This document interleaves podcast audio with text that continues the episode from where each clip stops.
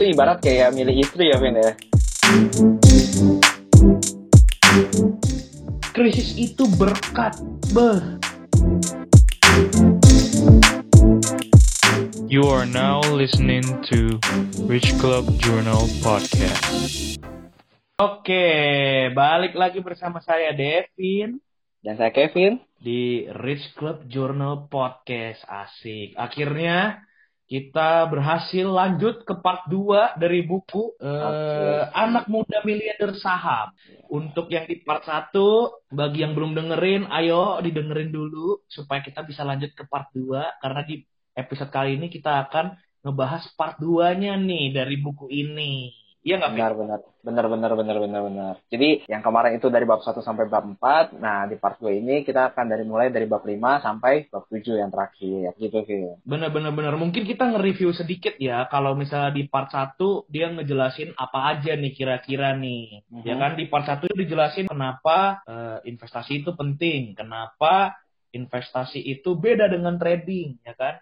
Kenapa ya. kita harus jadi investor jangka panjang? Karena bagaimana kita membagi uh, keuangan pribadi kita nih. Kayak gitu ya di part 1 ya. Nah, habis itu sekarang kita lanjut ke part 2 nih. Langsung kita lanjut ke part 2. Di part 2 bab 5 menjadi pemilik bisnis. Wow, gila lumayan ya. Judulnya lumayan lumayan memancing ya, lumayan memancing yep. ya. Bener banget. Oke. Uh, boleh si Kevin gimana lanjutin dulu nih dimulai dulu aja oke oke oke jadi uh, untuk permulaan di bab 5 ini dijelaskan ada uh, namanya laporan keuangan dan laporan tahunan bedanya apa sih jadi kalau laporan keuangan tuh biasanya banyak angkanya ada aset ada uh, liabilitas ekuitas pendapatan dan beban gitu Nah, itu biasanya laporan keuangan itu ada dibagi per kuartal. Ada tiga kuartal dalam satu tahun. Itu untuk laporan keuangan. Isinya kebanyakan angka. Nah, terus ada juga namanya laporan tahunan sih ini. Nah, kalau laporan tahunan ini isinya tuh kebanyakan kayak kinerja direksinya gimana, terus profil perusahaannya kayak gimana. Dia lebih banyak ke kata-kata gitu, Vin. Nah, biasanya sih laporan tahunan ini uh, dirangkum dalam satu tahun uh, perusahaan begitu. Iya benar. Jadi untuk kita ngecek nih ya kan, karena untuk semua perusahaan yang udah masuk ke dalam bursa saham ya, itu hmm. laporan keuangannya bisa dicek di IDX ya, IDX itu oh. Indonesia Stock Exchange, boleh dicek karena semua perusahaan yang sudah go public itu uh, punya kewajiban untuk mengupload laporan keuangan mereka. Jadi kita bisa ngecek nih laporan keuangan mereka nih ada yang laporan kuartal, ada yang laporan tahunan gitu ya. Oke oke oke benar-benar. Nah terus di sini dituliskan nih ada investasi saham itu art atau science. Nah ini di buku ini udah dijelasin juga nih kalau misalnya uh, investasi itu kenapa bisa dibilang sains, kenapa bisa juga dibilang art gitu ya. Kalau bisa hmm. dibilang sains, benar juga karena sains ini kan semua berdasarkan perhitungan, betul dong. Yep, betul, kita harus ngitung keuangannya, mesti tahu laba ruginya, ya kan. Kita mesti tahu utangnya juga. Nah lalu kalau misalnya kita dibilang art, benar juga art. Kenapa? Karena kita mesti tahu nih kapan waktu yang tepat untuk kita memasukkan uang kita ke dalam saham ya kan? Oh, kita okay, okay. tahu juga nih kapan waktu yang tepat untuk menjual sahamnya. Seperti itu, itulah yang dibilang kenapa saham itu bisa dibilang sains juga, bisa dibilang art juga. Jadi kita bisa ngomongin perhitungannya juga, eh, laporan keuangan, tapi kita juga mesti tahu decision making kita itu yang jadi art gitu. Dikasih tahu sama Andi, Bro Andikanya juga kalau misalnya membeli saham itu kita tidak boleh terlalu apa ya optimis gitu karena optimis itu lebih ke jadinya lengah gitu. Jadi betul, kita betul, tidak boleh terlalu optimis, kita harus uh, hitung yang baik gitu kan. Jangan sampai kita memilih kucing dalam karung lah, ibaratnya kayak gitu. Oh iya, iya. itu ibarat kayak milih istri ya, Vin ya. betul, betul, betul, betul, betul. Kan di part itu udah dibilang ya kalau milih istri itu bibit bibit bobot ya kan. Nah uh. ini juga sama nih, karena kita juga mesti tahu nih bibit bibit bobotnya gitu kan. Nah, ya. untuk cari istri kan kita masih tahu nih, di masa kini kita cocok gak? Di masa hmm. depan kita cocok gak? Iya nggak? Iya dong. Benar, benar, benar, benar, benar, benar. Kita tahu masa lalunya dia gimana, backgroundnya dia siapa gitu dong. Kita harus tahu ya kan. Jadi untuk anak-anak muda nih, terutama kayak kita nih, tips ya, kita yep. mesti cari pasangan yang bebas dari utang. bener banget, bener banget. Ya, sama seperti memilih perusahaan juga, kita harus cari perusahaan yang yang rasio utangnya mm, terukur lah gitu kan. Jadi sesuai dengan kebutuhan mereka. Jadi mereka nggak ngasal pinjem-pinjem duit gitu. Untuk lebih jelasnya lagi, kita uh, analisis nih. Di sini di bab 5 ini lebih ke teknisnya. Bagaimana kita menemukan perusahaan yang fundamentalnya bagus. Dimulai dari kita harus menemukan perusahaan yang laba. Udah jelas dong kalau misalnya perusahaannya rugi, masa kita mau taruh duit kita di perusahaan tersebut gitu. Nah, ini beberapa ada uh, rasio uh, yang tertulis di buku ini. Gua akan jelaskan secara singkat dan jelas. Oke, yang pertama itu ada namanya return on equity atau ROE. Nah, ini kebanyakan investor banyak nih pakai rasio ini. Kayak return yang kita dapatkan dari si ekuitas.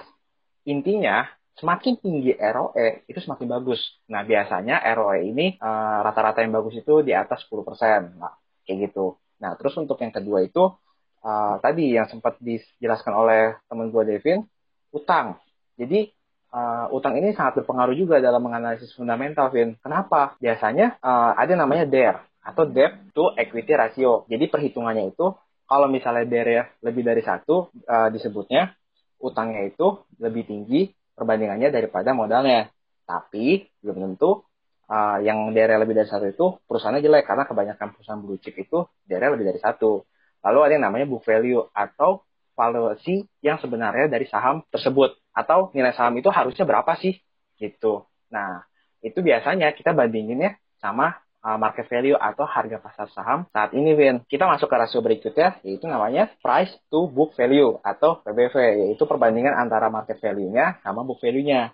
Jadi kalau misalnya dia uh, PBV-nya lebih dari satu, berarti market market value-nya lebih tinggi.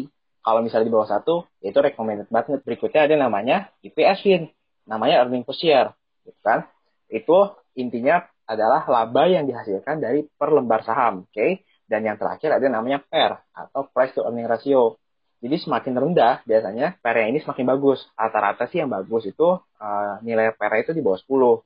Nah, itu rangkuman dari keseluruhan rasio yang ada gitu Vin. Nah betul oke kayak gitu ya kira-kira penjelasan singkatnya ya. Nah di dalam buku ini sebenarnya dijelasin juga ya secara detailnya. Tung ini gimana caranya gitu kan. Bahkan dikasih contoh-contohnya juga ya. Contoh nih kayak perusahaan yang punya utang itu belum tentu oh, di atas satu dernya belum tentu dia perusahaannya nggak oke okay, gitu. Contoh kayak uh bank. Kalau bank kan kenapa dernya bisa tinggi karena kan kita nyimpen uang nih di mereka dan itu di equity-nya mereka dan ketika kita menarik uang kita, itu kewajiban mereka untuk mengembalikan uang kita. Jadi wajar kalau misalnya dia tinggi. tinggi. Nah, pengalaman gue sendiri di bidang teknik sipil itu juga kayak gitu, ya kan?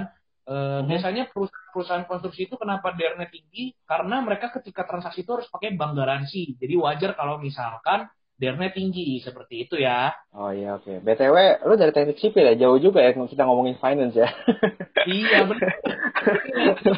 Hanya hidup ya, kalau hidup bisa banting kayak gitu ya. Jauh juga. Nah, terus juga Vin, uh, kalian untuk menghitung atau untuk melihat uh, rasio-rasio ini, kalian sebenarnya tidak perlu repot lagi harus ngitung pakai Excel satu-satu, daerah berapa, PBV-nya berapa, enggak. Karena di beberapa perusahaan sekuritas, bahkan di Google pun, kalian bisa langsung ngecek berapa sih PBV si perusahaan ini bahkan sudah disediakan grafiknya, chartnya segala macam sampai lengkap gitu, Vin. Benar, benar, benar. Kalau dari gua sendiri sih gua rekomendasiin pakai RTI bisnis ya. Itu aplikasi yang menurut gua itu di situ udah lengkap banget ya kan. Di situ juga oh. ngasih tahu IHSG harganya per hari berapa gitu-gitu ya kan. Terus Betul. kan pastinya untuk kalian misalnya mau masuk ke saham yang go public, kalian kan pasti mesti buka sekuritas ya kan. Nah, di ya. sekuritas ya. itu biasanya untuk di aplikasinya tuh dikasih tahu tuh. Cuman kan kadang-kadang untuk yang awam-awam, ah apaan nih? DER, apaan nih PER, apaan nih ya. ROE. Nah, di sini kita ngejelasin nih kira-kira gimana dan cara pakainya gimana gitu. Cuman ya. kalau misalnya mau lebih detail lagi, kita rekomend banget untuk langsung baca buku ini. Betul ya? Betul banget. Betul betul. Oke, kita langsung lanjut ke bab 6 yaitu musuh terbesar nih, musuh terbesar dalam investasi nih, oke. Di sini dijelasin kalau misalkan latihan dan praktek itu beda, Vin. Nah, ini okay. kebetulan Andika sama gue punya kesamaan. Andika ini suka main basket, gue juga suka. Oke, pas lagi latihan nih, wah, teamworknya jalan, strateginya jalan, ya kan, formasi oke. Udah, tinggal lomba, pasti menang. Eh, pas lagi lomba, lain cerita. Kenapa? Karena atmosfernya beda. Nah, ini sama nih kayak ketika kita memasukkan uang kita di saham. Itu udah pede nih, ngitung. Oke, perusahaan ini oke banget nih. Semua rasionya oke, udah dihitung, bla bla bla. Terus untuk ke depan, oh prospek nih bagus, oke, gua, gua mau beli. Akhirnya kita beli. Sebelum eh, sebelum beli, kita udah bilang nih sama diri kita, nanti kalau harganya turun, kita top up ya, jangan takut ya kan. Nah, Ya. Tapi ketika pelaksanaannya belum tentu seperti itu, karena nanti kita digocek-gocek ya, di hati kita digoncang-goncang ya. Jika Iya harga- betul. aduh, rugi nih gua.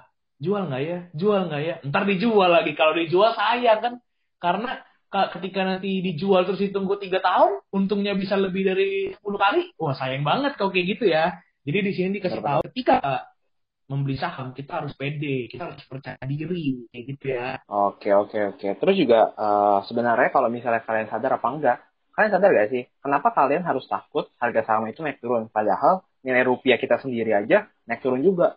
Kenapa kalian tidak takut gitu loh? Nah balik lagi, kita eh, di buku ini diajarkan bukan menjadi trader, yang artinya kita harus memonitor harga saham itu naik turun setiap saat gitu loh. Itu enggak, karena proyeksi kita itu lebih ke long term. Jadi kalau misalnya memang sih ngomong itu lebih mudah daripada praktek, tapi coba deh kalian uh, terapin dulu bahwa kita ini sebenarnya seorang investor yang artinya walaupun harga itu turun, mau turun, mau naik, kita harus tetap teguh sama pendirian kita gitu. Bahkan di buku ini ada tertulis keputusan terburuk adalah uh, memutuskan yang diambil dalam kondisi yang panik dan takut. Ingat, kita ini beli saham itu beli perusahaannya, nggak cuma beli lembar sahamnya doang. Kita beli uh, perusahaan di baris lembar saham itu. Kalau misalnya kita udah yakin sama fundamentalnya, kenapa kita harus takut kalau harganya jatuh? Terus suatu saat itu pasti akan naik harganya. Bener gak, Win? Betul betul. Ini balik lagi ya. Ini hubungannya sama part satu tadi yang kemarin gitu kan. Kenapa kita disuruh ngitung sendiri? Karena ketika kita ngitung sendiri, itu semuanya under our control gitu kan. Kalau misalnya kita udah pede nih sama perusahaan ini, kita udah ngitung perusahaannya. Nah, jadi kita jadi lebih percaya diri juga karena kita ngitung sendiri gitu kan. Kita nggak ngikutin orang. Dan eh, Warren Buffett sendiri aja bilang kalau misalkan banyak banget itu noise-noise kadang-kadang di TV, oh politik lagi gini gini gini panik, akhirnya jual seperti itu kan. Ingat kembali lagi kita eh, wajar namanya IHSG itu naik turun karena itu kan transaksinya per hari. Jadi wajar kalau saham itu naik turun gitu kan. Nah, jangan sampai informa- informasi-informasi per hari itu mengganggu kegiatan kita dalam berinvestasi jangka panjang. Karena ingat, kita jangka panjang, bukan per hari. Seperti itu ya. Dan yang terakhir Oke, itu, oke. pergaulan sangat menentukan, Vin. Oke, jadi kenapa pergaulan itu sangat menentukan ya? Jadi Hmm. pergaulan itu sangat menentukan nih. Di sini ditulis nih sama dia nih. Networking Anda adalah network Anda. Oh, keren banget kan katanya kan. Total penghasilan bulanan dari lima teman terdekat Anda dibagi jadi lima. Itu kira-kira itu nilainya sama kayak penghasilan kita. Ini sama Oh. kayak episode introduction nih ya kan? Mirip Sama kan? ya? Sama persis ya? Hampir ya? Betul-betul. Betul. Gue punya cerita, punya Hmm. fakta menarik yang gila banget. Ini gue Oke. ambil eh, di Google dan gue pernah baca di buku yang lain. Oke. Pernah denger sopir terkaya di dunia? Wes gila. Bukan terkaya di dunia sih, sopir yang sopir miliarder. Wih gila. Pernah denger gak? Vin? Gimana tuh? Gimana tuh? Gimana tuh? Nah, sopir miliarder ini siapa? Sopirnya Lee Kasing. Lee Kasing kan Oh. kemarin kita bahas nih di part 1. Itu ketika pensiun tuh mau dikasih 24 ribu USD. Itu Oh. ratus juta tuh, mau 300-400 juta kali, ya kan? Itu gede banget sih ya. Ditolak bro. Gila, ditolak dong. 300-an juta, 300-an, 400-an juta tuh ditolak bro uang pensiun. Terus dia bilang, Pak, saya tolak uang pensiunnya. Saya cuma mau bilang saya terima kasih udah dijadi udah dijadiin supir bapak. Karena selama bapak telepon sama bisnis partner bapak, selama bapak ngobrol sama klien bapak, properti properti apa aja yang bapak mau beli, saya beli juga. Oh. Saham yang bapak mau beli, saya beli juga. Bayangkan bro, cuma jadi supir loh. itu baru cerita satu. Dan lucunya lagi, ada cerita yang sama tapi di Indonesia nih. Pernah dengar? Crazy Rich Tanjung Priuk?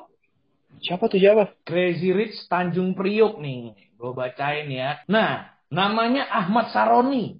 Ahmad Saroni ini dulu pernah jadi supir loh. sampai sekarang dia udah dia punya perusahaan uh, di bidang perminyakan dia kan oil and gas lalu uh-huh. dia sekarang udah terjun di dunia politik juga. Nah ini menunjukkan kalau lingkungan itu sangat penting. Ya kan? Kalau kita bergaul dengan orang yang oke okay, kita akan jadi oke okay juga.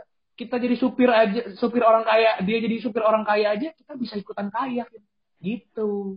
Benar-benar. Sebenarnya secara sederhana juga kayak gitu ya. Kalau misalnya kita bergaul sama orang yang suka rokok misalnya kita kemungkinan besar bisa jadi perokok. Atau kita bergaul dengan orang yang rajin kemungkinan besar kita jadi orang yang rajin juga gitu nah ini mungkin uh, relate dengan cerita Devin yang tadi. Kalau misalnya kalian sering dengerin podcast kita juga ya kan? Kita sama-sama sukses bareng gitu. Iya boleh boleh boleh ya. Iyo gitu. Kalau misalnya kita kita kan punya visi yang sama nih. Apa? Kaya dan sukses. Kalian juga punya? Ya pas banget. Kita jalan bareng ya Wiga iya kan. Kita juga punya visi sama-sama belajar gitu kan. Semoga hmm. yang kita baca ini kalian juga dapat efeknya gitu oke lanjut ya kita ke bab yang paling terakhir nih Vin. Oke. Seru nih, ini yang paling seru nih. Karena ini berhubungan dengan situasi kita sekarang ya. Untuk pendengar-pendengar di masa yang akan datang, uh, kita bikin podcast ini pas lagi corona, oke? Okay, pas lagi ada corona. PSBB, PSBB. kita online online aja. Oke, lanjut lanjut lanjut ke krisis itu berkat. Beh. Hmm. Clickbait banget. Clickbait banget. Clickbait banget kita bikinin kita bikinin ini jadi judul part 2 aja kali ya. Boleh banget, boleh banget. Oke, jadi part 2 krisis itu berkat nih ya. Kita jelasin nih kenapa krisis itu berkat nih ya. Di buku ini dijelasin kalau krisis itu kenapa berkat. Udah banyak contoh-contohnya. Kasih tahu Vin contoh-contohnya siapa Vin? Jadi uh, berdasarkan yang gue lihat nih, gue yang gue riset Warren Buffett-nya yang asli, soalnya ada Warren Buffett Asia juga, ada Warren Buffett Indonesia, itu rata-rata dari mereka mereka tuh sukses saat sedang krisis. Kenapa? Karena saat sedang krisis, semua hampir rata-rata harga saham itu anjlok atau diskon gitu, Ben. Betul, betul, betul. Jadi sebenarnya kayak kalau krisis itu kita jangan jangan berkecil hati, ya kan? Sedih wajar lah, ya kan? Tapi wajar, jangan lama-lama gitu kan. Hmm. Jadi jangan berkecil hati, semua musibah pasti bisa dipetik uh, positifnya kayak gitu ya. Krisis itu krisis itu di sini juga dijelasin kalau krisis itu ada banyak ya. Krisis mm-hmm. itu ada krisis company crisis, ada industry crisis, global financial crisis itu ada banyak banget krisis di sini diceritain sama dia. Mm. Lalu uh, diceritain juga sama dia uh, kenapa waktu yang tepat itu untuk beli saham itu pas lagi krisis gitu kan. Nah, hmm. karena yang tadi dibilang diskon gitu kan. Tapi balik lagi ya kan saham itu adalah art. Artnya adalah pengambilan keputusan kapan kita harus masuk, kapan kita harus keluar. Seperti itu ya. Nah, jadi ya, ya, harus ya. dicermati dengan baik nih ya kan kira-kira nih waktu yang tepat bukan untuk uh, masuk di saham sekarang gitu. Ada nih track record historinya ya kan. Tahun 98, tahun 2008, tahun 87. Nah, itu setiap bahkan cycle-nya setiap 10 tahun sekali itu hanya kebetulan saja mungkin ya. Yep. Nah, 2018 sih kemarin nggak ada kejadian apa-apa. Mungkin bisa jadi sekarang, mungkin bisa, bisa jadi, habis tahun. Nah, jadi kita masih cermat. Artnya adalah memilih waktu yang tepat untuk kita memasukkan uang kita pada uh, di pasar saham, gitu ya. Oke, nah gue juga ada sempat di sini ada kutipan bahwa ini Warren Buffett sendiri yang ngomong, jadilah takut ketika semua orang serakah dan jadilah serakah ketika semua orang takut. Gila, keren ya, keren ya. Intinya Gila. apa? Itu kayak kemarin itu uh, yang IISG sekitar bulan Maret itu turun drop sampai di harga 3.900-an. Itu benar-benar gila. Uh, mungkin gue sharing pengalaman sedikit. Gue juga, gue baru ma ma masuk mulai pasar saham itu sebelum corona, benar-benar sebelum corona gue masukin dana gue. Abis itu corona mulai, corona datang, ya kan? Menyebabkan IHSG itu drop sampai 3.900. Coba bayangin, gua yang baru masuk pasar saham yang nggak tahu apa-apa, tiba-tiba pasar saham langsung anjlok. Pusing apa enggak? Gila, portofolio gue merah semua. Tapi untungnya, untungnya karena gua udah terjun, gua cari cari tahu, cari-cari ilmu. Salah satunya di buku ini gitu, di anak muda miliarder saham. Dia bener-bener uh, ngubah mindset gua. Yang tadinya gue cuman iseng, gue cuman kayak, eh udahlah mungkin gue mau jadi trader. Tapi setelah gue baca buku ini, gue jadi open minded gue jadi gue jadi kayak oh gue jadi semangat lagi gue mau invest saham lagi. Harusnya malah gue jadi nyesel. Kenapa? Pas di harga saham jatuh harusnya gue uh, beli lebih banyak lagi gitu. Itu penyesalan gue gitu Vin. Bener bener bener. Bahkan IHSG sempat hampir sempat jatuh sampai 3.900-an ya di awal-awal Maret atau di pertengahan Maret ya? Iya, iya, di pertengahan Maret itu benar-benar parah. Kalau di grafik tuh ya, apa yang mendelep kayak lembah gitu tau gak? iya, iya. Justru untuk yang ngejalanin apa yang ngejalanin saham dan belum tahu pembelajarannya belum tahu skillnya itu biasanya habis masuk kapok gitu kan. Nah, itu dia itu dia kita kenapa wajibin ketika kita membeli saham itu kita wajib banget baca buku seperti itu. Tuh jadi kalian udah tahu lah ya kenapa di buku ini dijelaskan kenapa krisis itu berkat itu tadi kalian harus punya mindset yang berbeda dari orang-orang kebanyakan. Jadilah jadi anda langka yoi. Uh, ini ber, berkaca dari pengalaman pribadi juga ya Vin ya. Jadi dari ya, kita ya. sendiri jangan sampai kita asal-asal beli itu kan. Terus setelah dari baca buku ini gue gue rekomend banget sih buku ini sih untuk yang awam-awam yang gak ngerti sama sekali soal saham ya kan ini buku yang bagus banget untuk kalian baca karena kalian bisa mendapatkan mindsetnya dulu gitu kan. Kita sebelum susah ngomongin teknisnya kita mesti tahu dulu kita punya mesti punya gambaran dulu kita sebagai investor harus seperti apa gitu. Ya ya benar-benar. Dan menurut gua buku ini walaupun tipis ya uh, sekitar 200 halaman tapi jujur ini isinya benar-benar padat banget berbobot banget. Bahkan kayak gue bikin catatan sendiri itu sampai full gitu kan sampai banyak banget bahkan kita bikin podcast aja sampai dua part saking banyak ya padahal bukunya itu sekitar 200 halaman bener gitu. bener bener ya ini totalitas ya Vin ya kita kupas sampai kulit kulitnya semuanya semua kita sampai Bener. sampai ke dalamnya kita cari tahu semuanya gitu Oke guys, akhirnya podcast kita eh, di episode kali ini udah selesai dari kita sendiri. Menurut kita buku ini oke banget. Kalau misalnya kita ada salah-salah kata, yep. Sorry nih ya kan. Kalau misalnya kalian pengen lebih detail lagi, kami rekomend banget untuk beli bukunya sekali lagi ini tidak tidak, tidak di endorse gitu ya. Benar kan Vin? Yap. betul banget.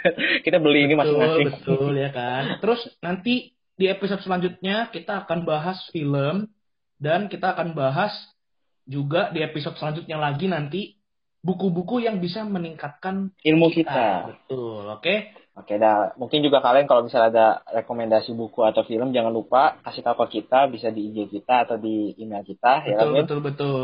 Tinggal langsung di follow aja IG kita di richclub.journal sama langsung kalau misalnya ada pertanyaan langsung kirim email aja ke 88 richclubjournal at gmail.com. Podcast nah. kita udah habis sekarang. Ya. Seperti biasa, podcast kita tutup dengan quotes, ya kan?